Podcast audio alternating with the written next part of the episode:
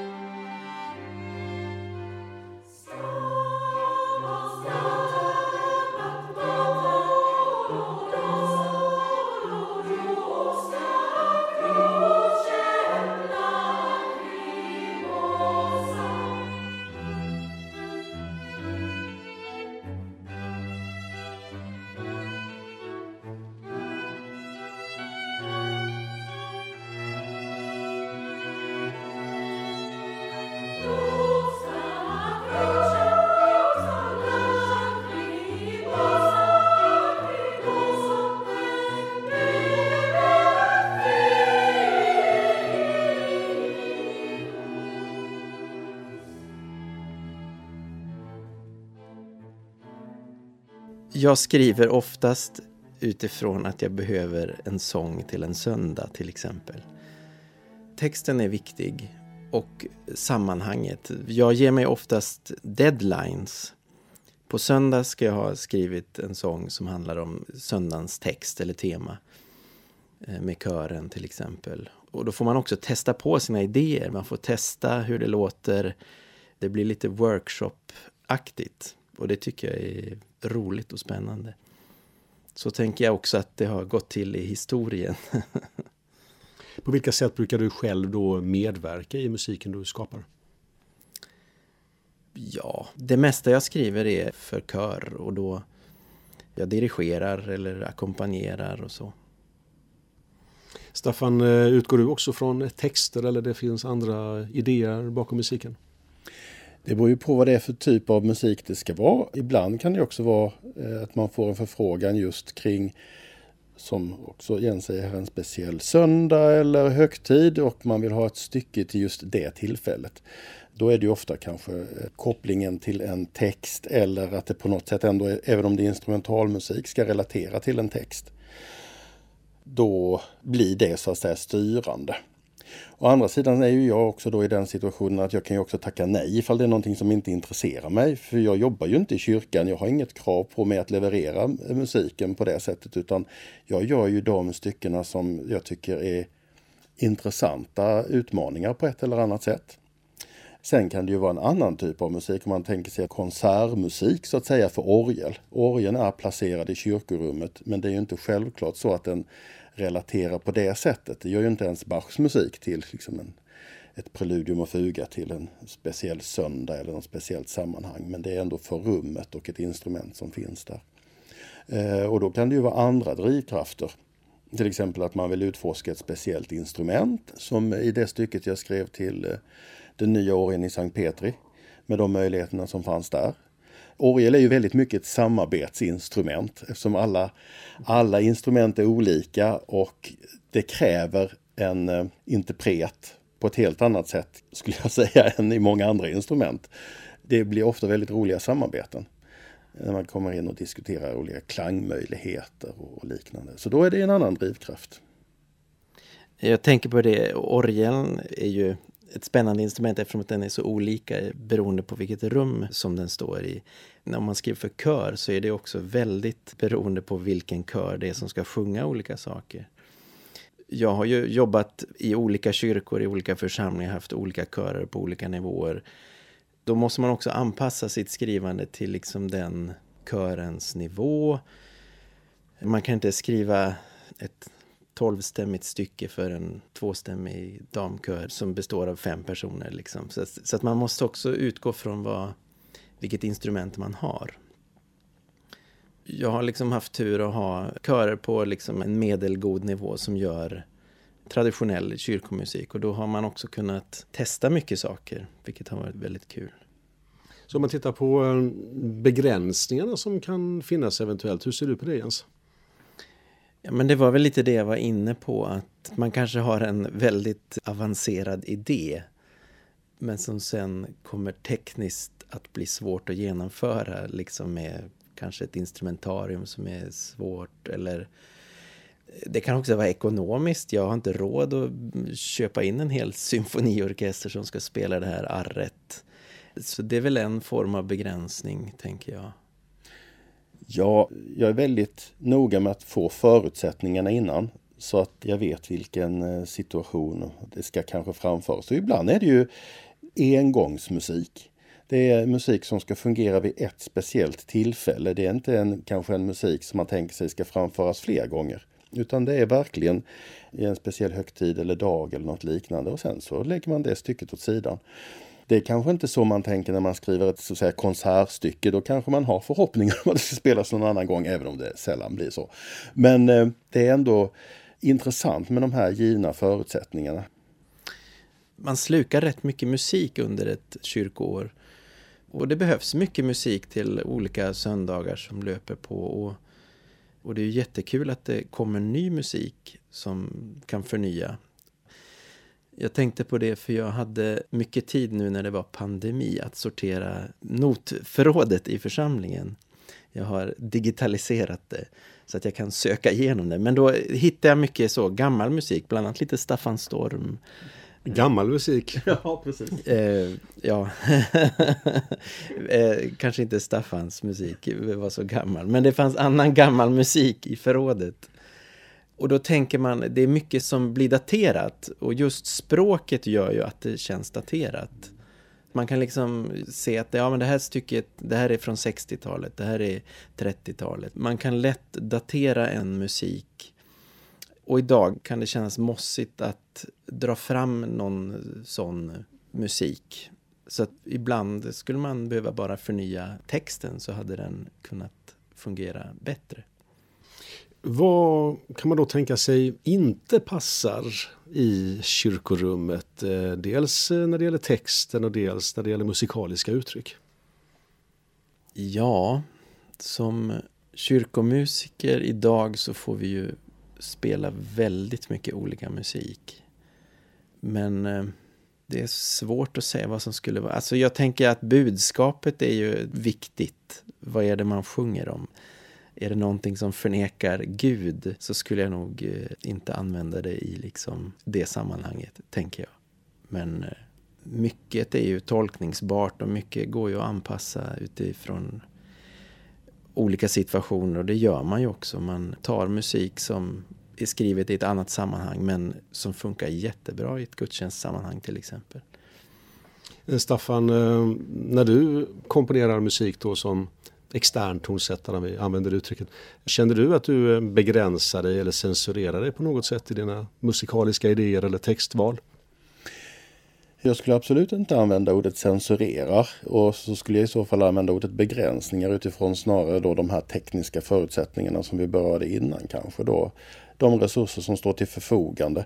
Men så är det ju egentligen med all musik man skriver. Det är alltid gjort för ett speciellt eh, sammanhang. En symfoniorkester har ju också sina begränsningar. Ett konserthus har sina begränsningar. Så det är ju inte så att det är just kyrkans musik som har ett speciellt raster över sig på något sätt utan du beskriver den öppenheten ändå som finns mot olika typer av musik och de krav som också ställs av besökarna på musik i olika sammanhang. Man kan väl snarast beklaga att man istället kanske i andra sammanhang i konserthus och liknande snarast snävar av, inte minst mot ny musik. Thank you.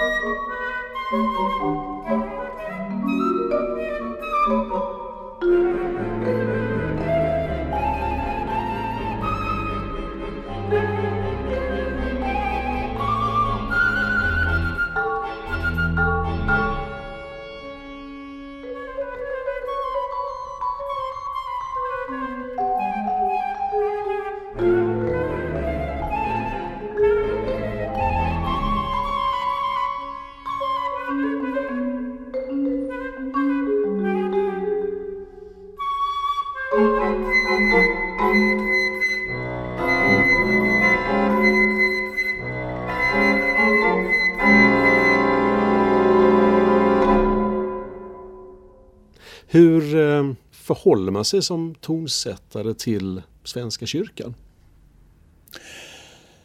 Ja, alltså jag, jag undervisar ju på Musikhögskolan också i komposition och där är det ju inte särskilt många som intresserar sig, tror jag, under sin studietid, kompositionsutbildning, för just kyrkomusik. Knappt ens orgel, vilket är ganska beklagligt eftersom det är en stor marknad för musik. Alltså om man vill få sin musik framförd. Det finns ett stort intresse och ett behov av ny musik. Så därför startade vi för några år sedan också en, en masterutbildning i komposition med inriktning mot kyrkomusik som också kan eh, ja, stimulera tankar åt det hållet. Jag tycker också att den traditionen som finns inom eh, Svenska kyrkans musikutövande eh, liksom, är väldigt fin. Allting från de gamla psalmböckerna och koralböckerna till det liksom rika kompositionsuttryck eh, liksom, som många tonsättare under 1900-talet. Från romantiken, från Otto Olsson, Oskar Lindberg, över Torsten Nilsson, Karl-Erik Welin, eh, liknande gjorde med, orgel och, och liksom ganska avantgardistisk kyrkomusik. Jag tycker det är en spännande tradition och roligt att vara en del av den och bidra till att den utvecklas. Hur ser det ut med eh, beställningar från kyrkan eller från stiftet? Ja, jag skulle nog säga att det är ganska osystematiskt. Det handlar mer om personliga kontakter och enskilda kyrkomusiker, körer och liknande som är intresserade av något nytt och som i så fall söker kontakt eller som jag söker kontakt med. Snarare än att det finns en systematik i det. Skulle det behöva styras upp lite grann kanske? Det vet jag inte. Det är ju upp till eh, kyrkan eh, i så fall och stiftet att hitta sådana former för det. Men det skulle säkert kunna bidra till att stimulera ett eh, ska vi säga, nyskapande och att det skrevs ny musik kanske på lite mer regelbunden basis för kyrkan. Jens, nu är du ju anställd av kyrkan och komponerar inom ramen för det. Men hur ser du som rent generellt på kompositioner inhouse, om man säger så, eh, och för externa tonsättare och beställningar? Ja, men jag tänker också att det är mycket den här personliga kontakten man gör sig. Att man känner någon som skriver och så får den skriva för min eh, ensemble eller kör och så, eller för min orgel. Jag tror att det hade varit kul att göra projekt inför vissa kanske högtider eller någonting, beställa saker. Nu är det ju väldigt aktuellt med, med salmer och så. Salmboken ska göras eh, ny. Så det pratar vi också om, att göra salmer. Men ja, jag beställer av mig själv. jag bestämmer att jag behöver musik och så gör jag musik. Jag har faktiskt lite timmar i min tjänst för komposition. Visserligen symboliskt, men ändå jag tycker man skulle kunna stimulera genom att, att göra så att de som är anställda kan få komponera till exempel i sin tjänst. Att uh, utveckla det på det sättet. Behövs det fler beställningar från stiftet? Ja, det tycker jag. det är bara att beställa. Det finns tonsättare där ute. Finns det också eh, finansiering för det? Det vet jag inte om man tycker att behovet finns så kan man nog alltid skrapa fram lite. Inför det här poddprogrammet så bad jag er att fundera lite grann över någon musik som ni skulle välja till programmet. Och Staffan, du valde ett stycke som heter Salmi som du skrev 2012. Vad kan du berätta om det? Ja, jag har gärna jobbat med musik med orgel i centrum och gärna i kammarmusikformat. Det finns en hel del eh, orgelsolon men jag tyckte det har varit intressant också att kombinera orgel med andra instrument och i det här fallet violin och cello. Och eh, psalm är ju ett intressant stycke på det sättet att eh, det finns en text men man hör den ju inte. Utan det är musikaliska reflektioner över saltasalmer som eh, blir upplagt som en slags eh, symfoniskt verk. Det är ett långt stycke på bort mot en halvtimme i flera satser. Och eh, det är ju då mina tolkningar och musikaliska reflektioner över de här salta salmerna. Ibland bara något enstaka ord och ibland är det så att säga själva grundstämningen i eh, texten som blev en slags utgångspunkt för den musikaliska tolkningen.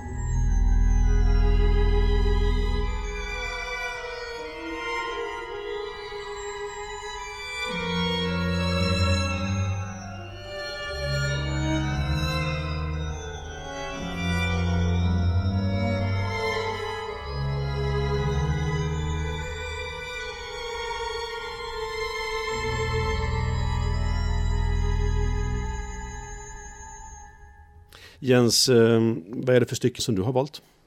Det första stycket som jag kommer att tänka på det är ett stycke som har följt med mig under ett antal år. Det heter O Nata Lux som är en latinsk hymntext som betyder ungefär ljus född av ljus. Jag vikarierade i Limhamns församling i Malmö och hade en kyrkokör och vi skulle göra en julkonsert och jag behövde nyskriven musik och jag hittade den här texten och gjorde en tonsättning av den texten. Det var stråkkvintett och timpani pukor som jag använde. Det blev ett eh, mycket omtyckt stycke och sen eh, gjorde jag om det så kom det till en solist och så kom det till lite harpa och sen så gjordes den om och så gjorde jag den i ett symfoniskt arr och så har den liksom ändrats och gjorts i massa olika små och stora arrangemang. Ja, det, det låter som ett gammalt stycke som har funnits länge.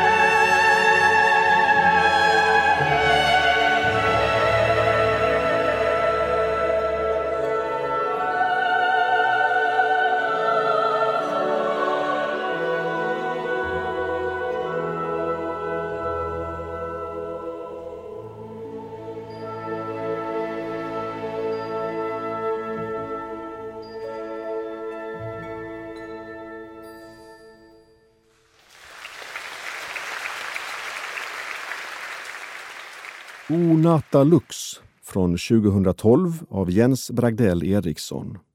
Här är en inspelning från Sankt Johannes kyrka i Malmö med Malmö Akademiska Kör och Orkester. Sopransolist Sabina Zweiacker och dirigent Daniel Hansson. Och I början av programmet hörde ni inledningen ur Jens eh, Stabat Mater, komponerat 2016 och framfört av eh, Södra Sallerups kyrkokör och Mimakören tillsammans med Friskvartetten under ledning av Jens själv. Vi hörde också musik av Staffan Storm. Först Canto, som är den eh, första satsen ur verket Tre canti del giardino in rovina skrivet 2003 och hämtat från en CD med Trio Tribukait Pettersson Berg. Och så hörde vi även första satsen ur Staffan Storms Salmi från 2012. Inspelat i Sankt Andreas kyrka i Malmö med Marika Fältskog violin, Samuel e. Örnströmer cello och Anders Jonsson på Andreaskyrkans Flentroporgel. Och till den här satsen hade Staffan hämtat inspiration från Saltarsalm nummer 19. Himlarna förtälja Guds härlighet. Och detta var allt från Lunds stifts musikpodd för den här gången. Jag som har producerat programmet heter Fredrik Ammerfors och till min hjälp med planeringen har jag haft vikarierande stiftsmusiker Maja Malmström. Tack för att ni har lyssnat. Vi hörs snart igen.